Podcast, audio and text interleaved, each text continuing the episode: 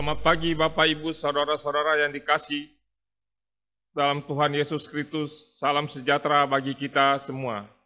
Kita bersyukur hari ini kita dapat menikmati hari yang baru dan hari yang ada waktu bagi kita untuk beribadah bersama-sama dan memuliakan nama Tuhan. Untuk itu, Bapak, Ibu, Saudara sekalian, mari kita semua datang menghadap Tuhan dengan membawa rasa hormat dan syukur kita kepada Allah Tritunggal. Jemaat dipersilakan untuk bangkit berdiri dan kita mengambil saat teduh.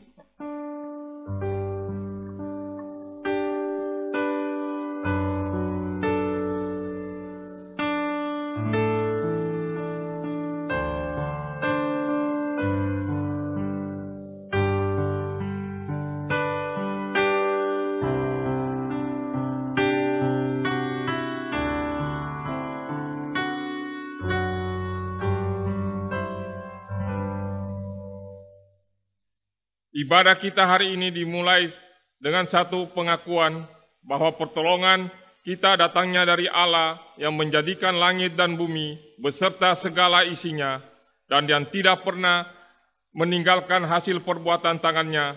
Turunlah kiranya atas kita sekalian kasih karunia dan damai sejahtera dari Allah Bapa, Putra dan Roh Kudus. Amin. Kita tetap berdiri. Kita akan memuji Tuhan dari KPPK nomor 13, Allah Bapa hadir dalam bait sucinya.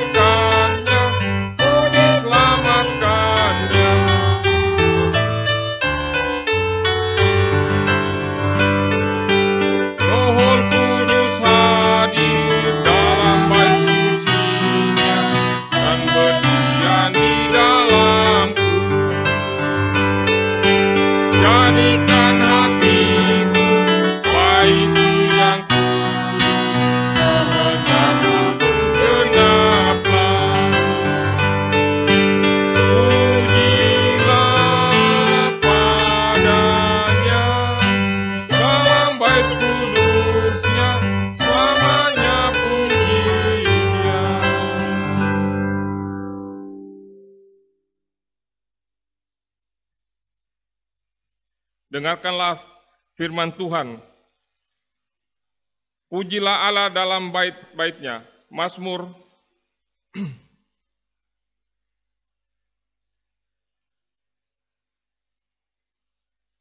Mazmur untuk korban syukur. Bersorak-soraklah bagi Tuhan hai seluruh bumi. Beribadahlah kepada Tuhan dengan sukacita. Datanglah ke hadapannya dengan sorak-sorai. Ketahuilah bahwa Tuhanlah Allah, dialah yang menjadikan kita dan punya dialah kita, umatnya dan kawanan domba gembalaannya. Masuklah melalui pintu gerbangnya dengan nyanyian syukur, ke dalam pelatarannya dengan puji-pujian. Bersyukurlah kepadanya dan pujilah namanya. Sebab Tuhan itu baik, kasih setianya untuk selama-lamanya, dan kesetiaannya tetap turun-temurun. Jemaat dipersilakan untuk duduk kembali. Kita akan memuji Tuhan dari KPPK nomor 287. Kita akan masuk dalam doa syafaat.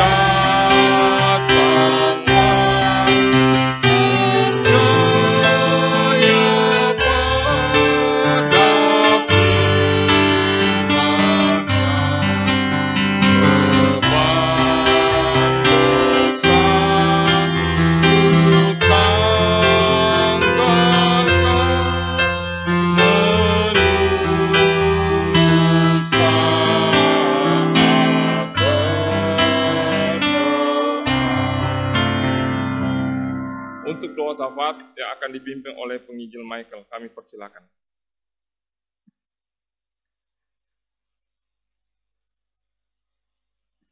Selamat pagi jemaat sekalian.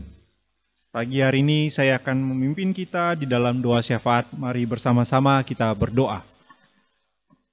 Bapa yang di surga, di saat ini kami bersyukur kepada Engkau yang boleh memelihara kehidupan kami di sepanjang satu minggu yang boleh kami jalani. Kami bersyukur untuk rahmatmu yang besar dan cinta kasihmu yang boleh begitu nyata dalam kehidupan kami. Secara khusus kami juga bersyukur untuk pemeliharaanmu bagi ketiga saudara-saudari kami yang boleh berulang tahun di minggu ini.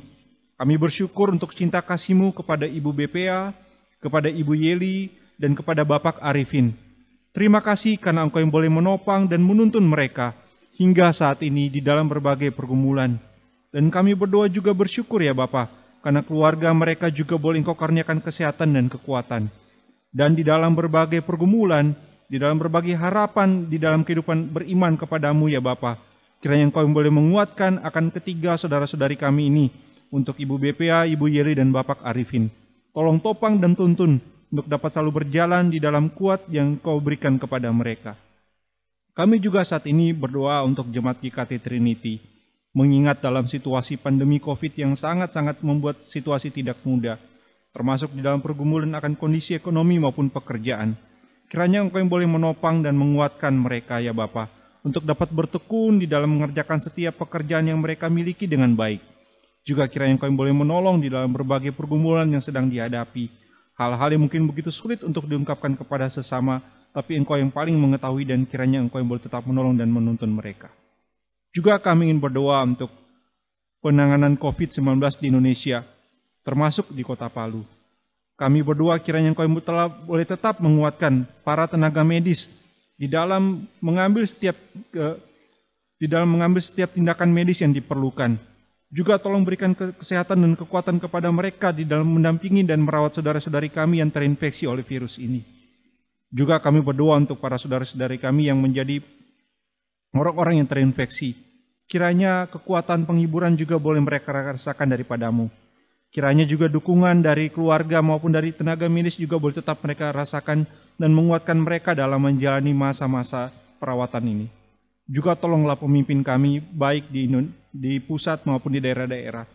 Di dalam setiap kebijakan yang akan diambil, kiranya engkau boleh berikan hikmat, baik untuk penanganan COVID maupun juga untuk menangani akan dampak ekonomi dari pandemi ini.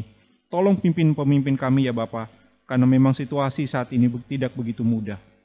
Kami juga ingin berdoa untuk Jemaat GKT Trinity, berdoa untuk rencana penyusunan program buat tahun depan, kiranya engkau boleh menolong memberikan hikmat kepada para hamba Tuhan maupun majelis. Begitu juga untuk rencana pembangunan jemaat gedung gereja yang masih terus berlangsung. Kiranya engkau yang boleh menolong dan menopang sehingga sekiranya semuanya boleh tetap berjalan dengan baik. Terima kasih ya Bapak untuk saat ini kami boleh berdoa kepadamu. Mari kita berdoa Bapak kami. Bapak kami yang di surga, dikuduskanlah namamu, datanglah kerajaanmu, jadilah kehendakmu di bumi seperti di surga.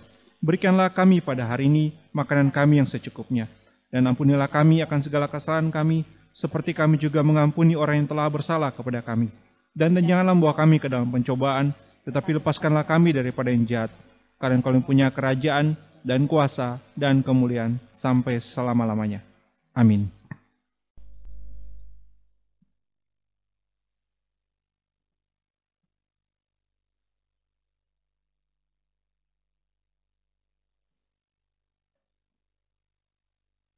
Berikut kita akan mendengarkan kebenaran firman Tuhan yang akan disampaikan oleh hambanya saudara Franky.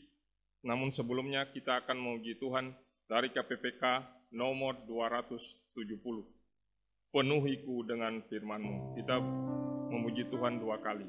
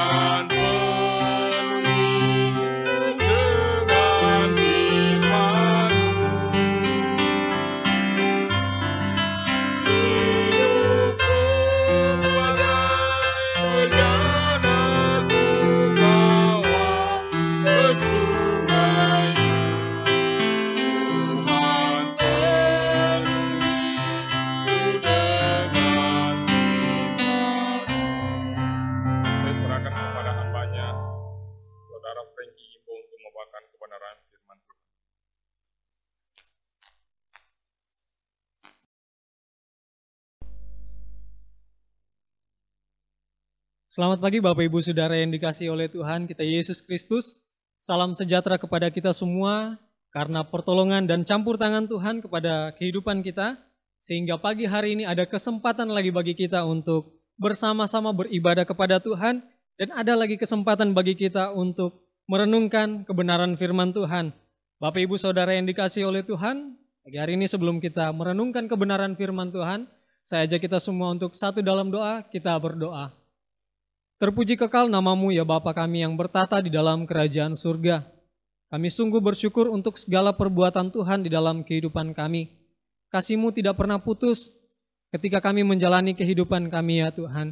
Kami sungguh bersyukur kalau hari ini ada kesempatan bagi kami untuk beribadah kepadamu.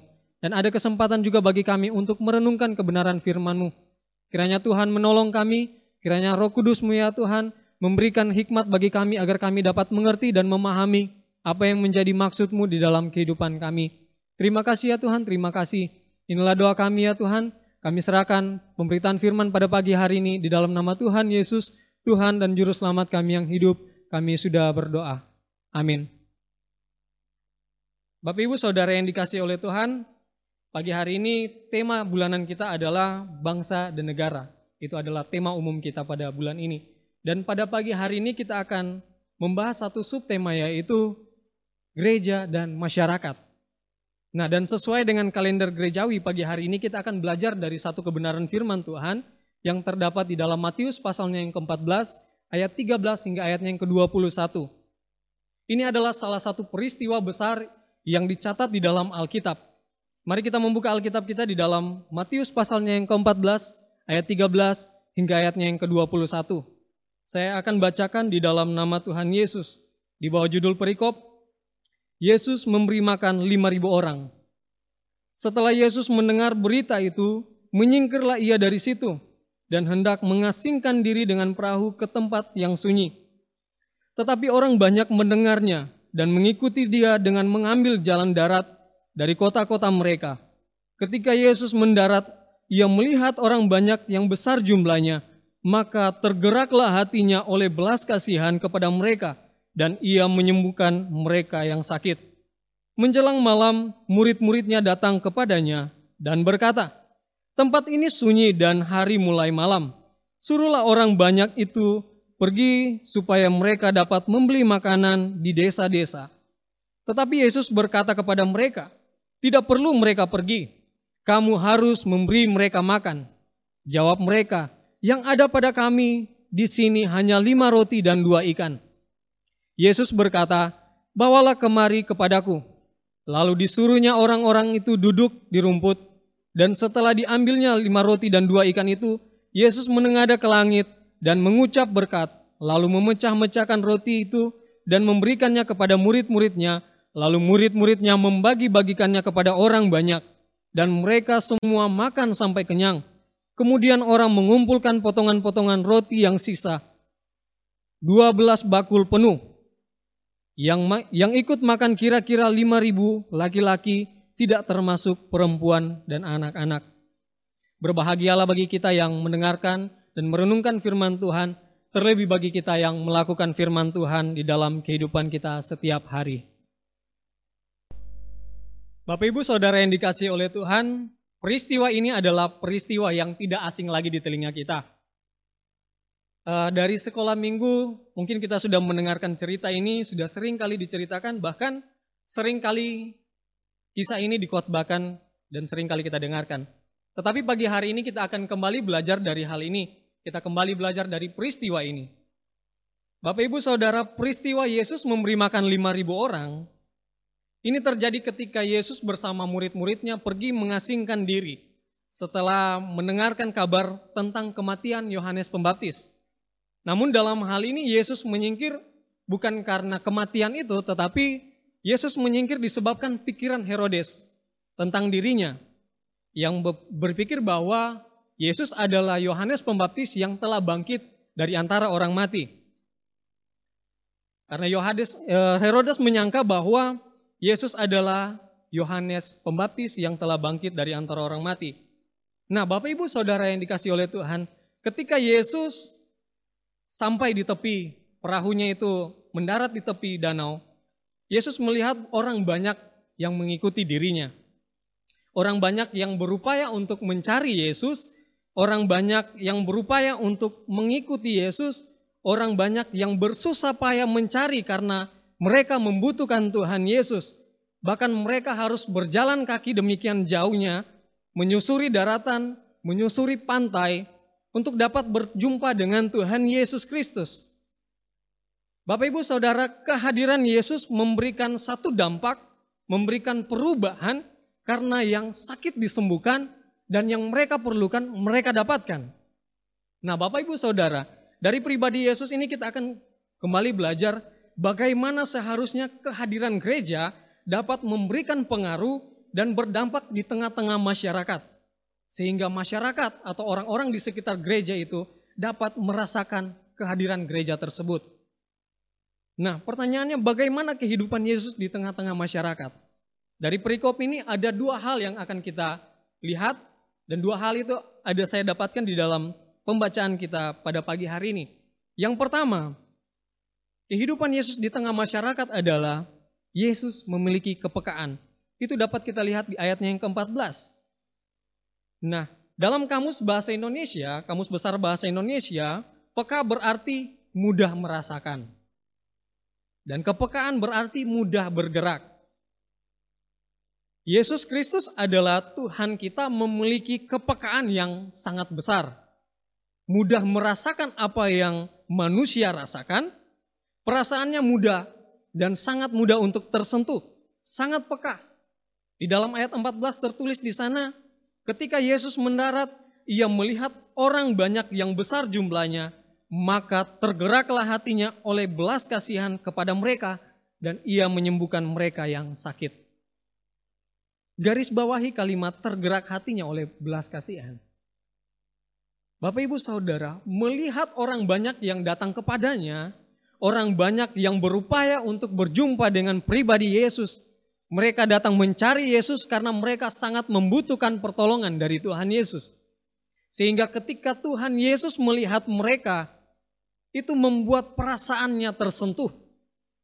Hatinya menjadi tergerak sehingga ia menaruh belas kasihan kepada mereka. Dengan hanya melihat mereka membuat perasaannya digerakkan Bapak Ibu Saudara. Ini menunjukkan hati seorang bapak yang begitu mengasihi anak-anaknya. Hati yang begitu peka dengan penderitaan orang lain. Berbeda dengan manusia Bapak Ibu Saudara. Kadang-kadang manusia itu ketika melihat orang lain ingin datang mencari dan mencari pertolongan kepada dirinya, kadang-kadang orang itu menjadi menggerutu. Kadang-kadang juga secara pribadi kita ketika melihat orang mau datang kepada kita untuk meminta pertolongan, dalam hati kita sudah menggerutu, ah dia lagi, mau minta tolong lagi. Tetapi berbeda dengan Tuhan Yesus Bapak Ibu Saudara. Tidak ada pribadi yang begitu mengasihi setiap orang seperti Tuhan Yesus Kristus. Yesus sangat memahami setiap orang, Yesus sangat memahami setiap perasaan dari setiap umatnya. Bahkan ia tahu apa yang diperlukan oleh setiap manusia. Sehingga ketika ia melihat orang banyak itu, tergeraklah hatinya oleh belas kasihan kepada mereka semua. Yesus mengasihi manusia karena ia memilih untuk mengasihi. Kita melihat kepekaan hati Yesus yang luar biasa. Kepekaan hati itu timbul karena didasari oleh kasihnya kepada manusia.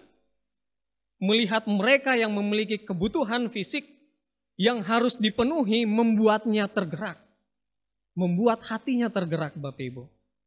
Sehingga selanjutnya dijelaskan Yesus menyembuhkan mereka yang sakit.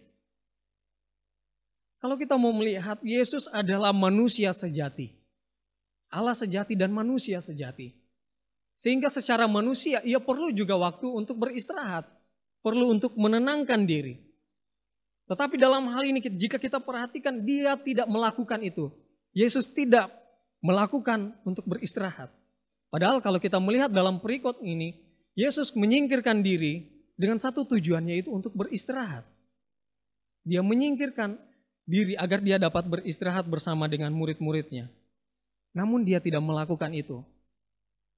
Tetapi sebaliknya bahwa karena kasihnya kepada orang banyak itu, ia melayani mereka semua. Demi orang banyak dia rela bekerja keras dan melayani mereka. Ini merupakan rasa simpati yang luar biasa yang Tuhan Yesus tunjukkan. Karena kenapa? Tuhan Yesus mampu merasakan penderitaan orang lain. Selanjutnya kalau kita mau melihat di ayatnya yang ke-16. Yesus menyuruh para murid untuk memberi makan orang banyak itu.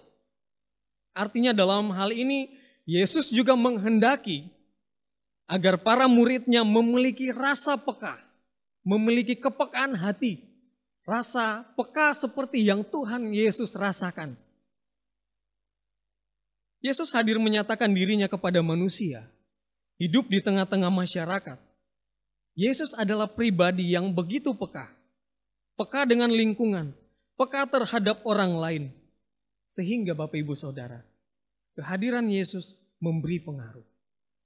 Kehadiran Yesus dinantikan semua orang. Maka daripada itu kita melihat dalam perikop ini, orang banyak datang mencari Yesus. Karena kenapa? Kehadirannya bisa dirasakan oleh setiap orang. Demikian halnya dengan gereja Bapak Ibu Saudara. Gereja berbicara tentang pribadi orang percaya. Namun gereja juga berbicara tentang organisasi. Gereja adalah bagian dari Yesus Kristus karena gereja merupakan tubuh Kristus. Gereja yang berdiri di tengah-tengah masyarakat juga harus memiliki perasaan yang sama, memiliki kepekaan yang sama yang seperti Kristus miliki, supaya kehadiran gereja itu dapat dinikmati oleh orang lain. Bagaimana Kristus memiliki kepekaan terhadap lingkungan dan kepada orang banyak, demikian juga gereja harus memiliki itu memiliki kepekaan terhadap lingkungan. Bapak Ibu Saudara, Tuhan Yesus sudah menunjukkan teladan. Tuhan sudah memberikan contoh kepada kita semua. Untuk kita ikuti. Untuk kita mengikuti teladan itu. Mari kita merenungkan hal ini Bapak Ibu. Sungguh luar biasa yang Tuhan Yesus telah lakukan. Dia begitu peka terhadap permasalahan yang manusia hadapi peka terhadap persoalan-persoalan pribadi kita. Pertanyaannya, bagaimana dengan pribadi kita? Bagaimana dengan gereja kita? Mari kita bertanya di dalam hati kita, apakah kita telah memiliki kepekaan itu? Apakah gereja kita sudah memiliki perasaan yang sama seperti pribadi Kristus? Memiliki kepekaan terhadap lingkungan. Mari kita bersama belajar dari hal ini belajar dari guru, agung kita, yaitu Yesus Kristus, memiliki kepekaan hati terhadap lingkungan, yang peka terhadap orang di sekitar. Itu bagian yang pertama Bapak Ibu Saudara. Bagian yang kedua yang dapat kita ambil dari peristiwa ini. Bagaimana kehidupan Yesus Kristus di tengah-tengah masyarakat adalah memiliki kepedulian. Itu dapat kita perhatikan di ayatnya yang ke-15 hingga ayatnya yang ke-21. Dalam kamus bahasa Indonesia, peduli berarti mengindahkan atau memperhatikan. Kepedulian berarti perihal sangat peduli atau sikap memperhatikan sesuatu yang terjadi di tengah masyarakat. Pada bagian selanjutnya dituliskan bahwa hari sudah mulai malam dan orang banyak mulai kelaparan. Orang banyak sudah mulai merasakan rasa lapar. Sebab mereka menempuh perjalanan yang jauh dan mereka kekurangan makanan karena yang ada pada mereka hanya lima roti dan dua ikan. Dan yang parahnya lagi mereka berada di tempat yang sunyi, jauh dari pedesaan dan sulit untuk memberi membeli makanan. Walaupun ada uang, tidak ada gunanya Bapak Ibu Saudara. Kalau kita memperhatikan di ayat yang ke-15 hingga ayat yang ke-16 ada sesuatu yang menarik. Di sana ada terjadi perbincangan antara Tuhan Yesus dan para muridnya. Ketika para murid berupaya untuk menyuruh orang banyak itu untuk pulang, tetapi hal yang berbeda yang Tuhan Yesus lakukan. Sebaliknya dia berkata kepada murid, tidak, kamulah yang harus memberi mereka makan. Dari hal ini menunjukkan bahwa Tuhan Yesus sangat peduli kepada orang banyak. Yesus tahu bahwa mereka semua sedang lapar, dan membutuhkan makanan. Dan Yesus tahu bahwa para murid sangat prihatin juga kepada orang banyak itu. Yesus tidak hanya peka terhadap apa yang mereka rasakan, tetapi Yesus juga peduli dengan apa yang mereka alami. Yesus tidak mau menyuruh orang banyak itu untuk pulang dalam keadaan lapar, atau menahan mereka jauh lebih lama dan menyuruh mereka untuk membeli makanan mereka, tetapi yang menarik, ia menyuruh para murid untuk menyediakan makanan. Sehingga Yesus berkata kepada murid-muridnya, tidak perlu mereka pergi, tetapi kamulah yang harus memberi mereka makan. Pada bagian ini Yesus tidak menyerahkan tanggung jawab itu sepenuhnya kepada para murid-muridnya. Karena Yesus sendiri pun tahu apa yang harus dia lakukan. Yesus tahu. Di dalam Yohanes pasal yang ke-6 ayatnya yang kelima hingga ayat yang ke-6 di sana tercatat ketika Yesus memandang sekelilingnya dan melihat bahwa orang banyak berbondong-bondong datang kepadanya, berkatalah ia kepada Filipus, "Di manakah kita akan membeli roti supaya mereka ini dapat makan? Hal itu dikatakannya untuk mencobai dia, sebab ia sendiri tahu apa yang hendak dilakukannya. Dari penjelasan ayat ini Bapak Ibu Saudara, sangat terlihat jelas kepedulian Yesus kepada orang banyak. Bukan hanya sakit mereka yang disembuhkan, tetapi juga Yesus peduli dengan kebutuhan jasmani mereka. Dari hal yang sangat besar sampai kepada hal yang sangat kecil, Yesus peduli. Memiliki kepedulian yang didasari oleh rasa kasih. Itulah Yesus. Bapak, ibu, saudara yang dikasih oleh Tuhan,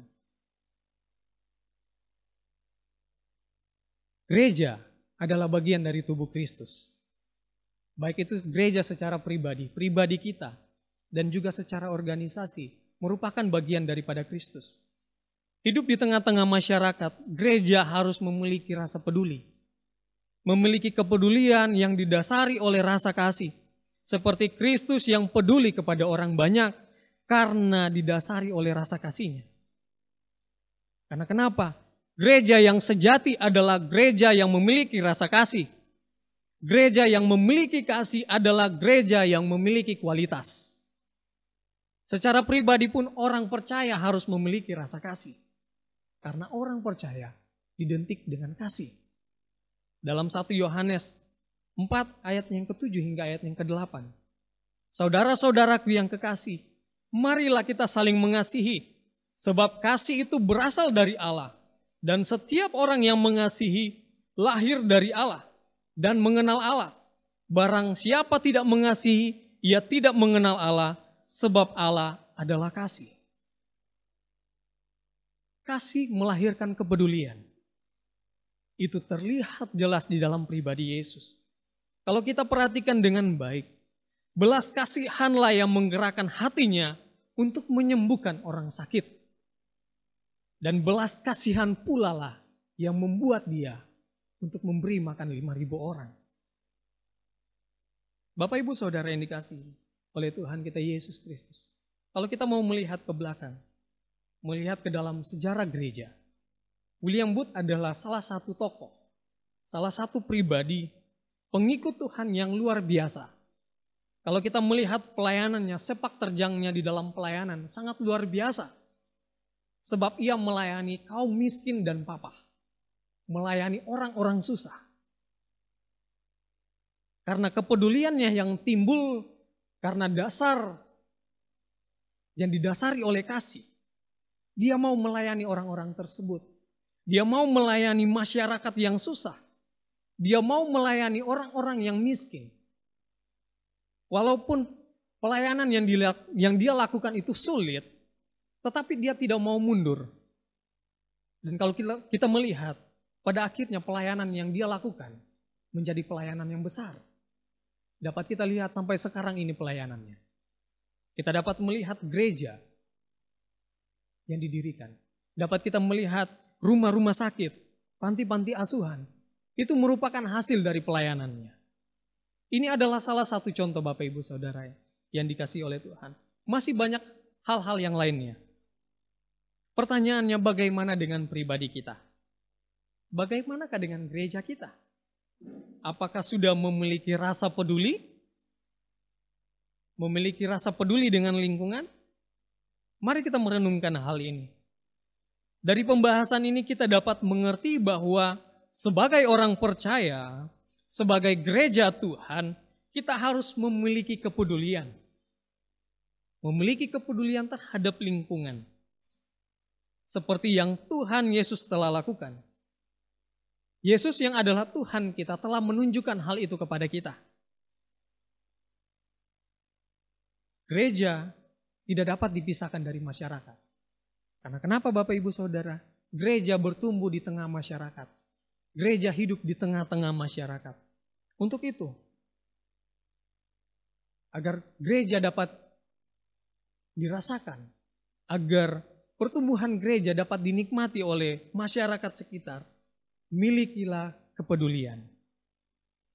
Dari peristiwa ini, dari peristiwa Yesus memberi makan 5.000 orang ini, kita dapat belajar bagaimana seharusnya gereja berada di tengah-tengah masyarakat. Bagaimana gereja membangun hubungan dengan masyarakat.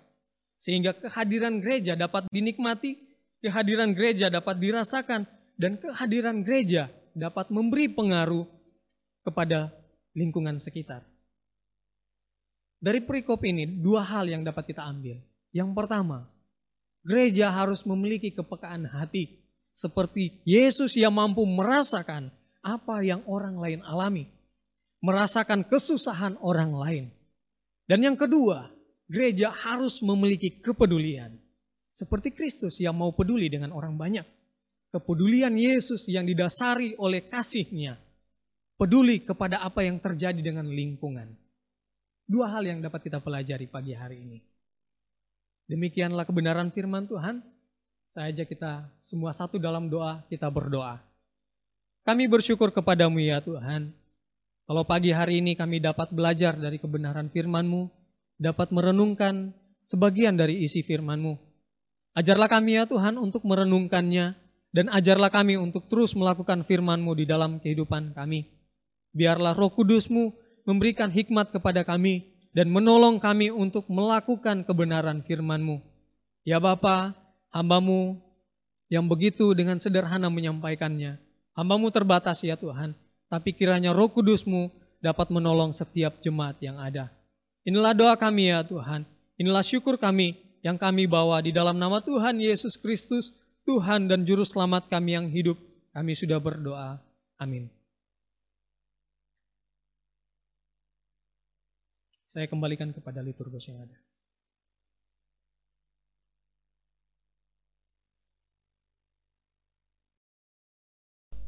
Terima kasih untuk Saudara Frankie yang sudah membentangkan kebenaran firman Tuhan. Mari saatnya kita akan uh, memberi persembahan. Kita akan memuji Tuhan dari KPPK nomor 326. Jadikan aku saluran berkat.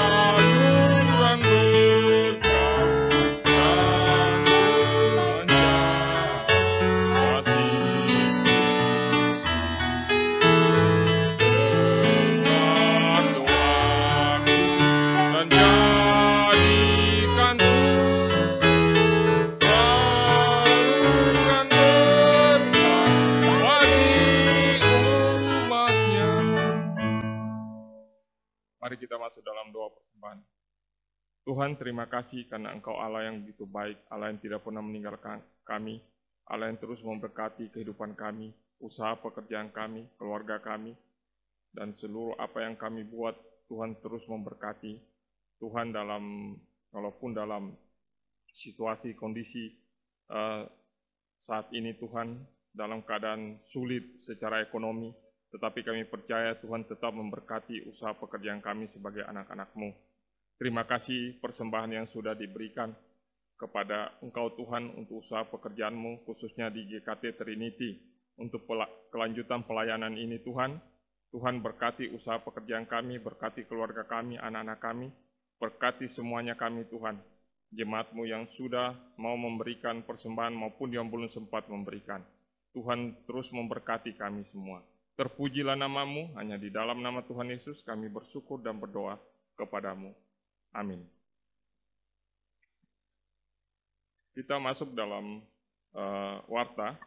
Yang pertama, bagi Bapak Ibu yang ingin memberikan persembahan dapat mengirim ke rekening gereja yang sudah tertera, atau dapat menghubungi majelis atau hamba Tuhan untuk memberikan uh, persembahannya melalui amplop. yang kedua, PA dan PA akan dilaksanakan menggunakan via grup. Jadi saya harap Eh, kita semua aktif dalam PA ini, kita belajar sama-sama tentang kebenaran firman Tuhan.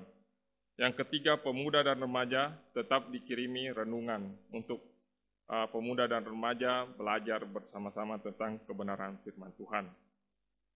Yang selanjutnya kita akan masuk dalam dosologi, saya serahkan kepada hambanya penginjil Michael.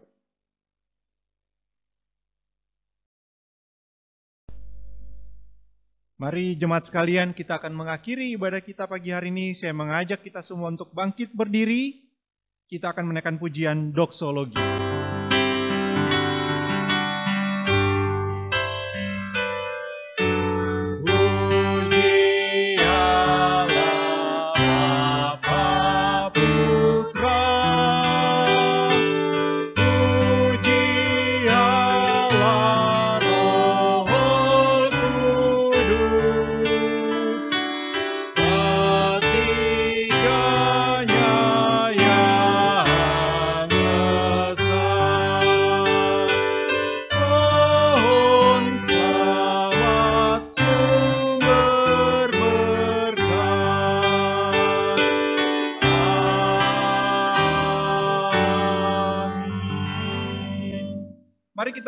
Hati kita kepada Tuhan dan menerima berkatnya.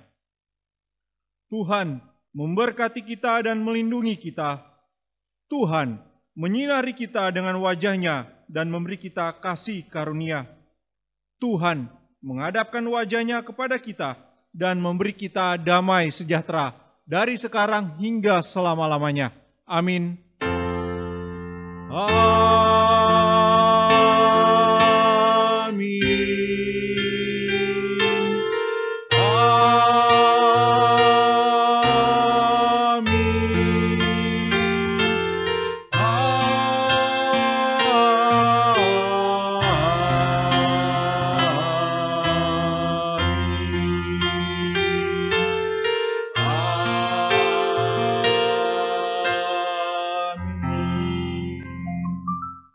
Duduk, silakan mengambil satu duduk, kebaktian kita selesai.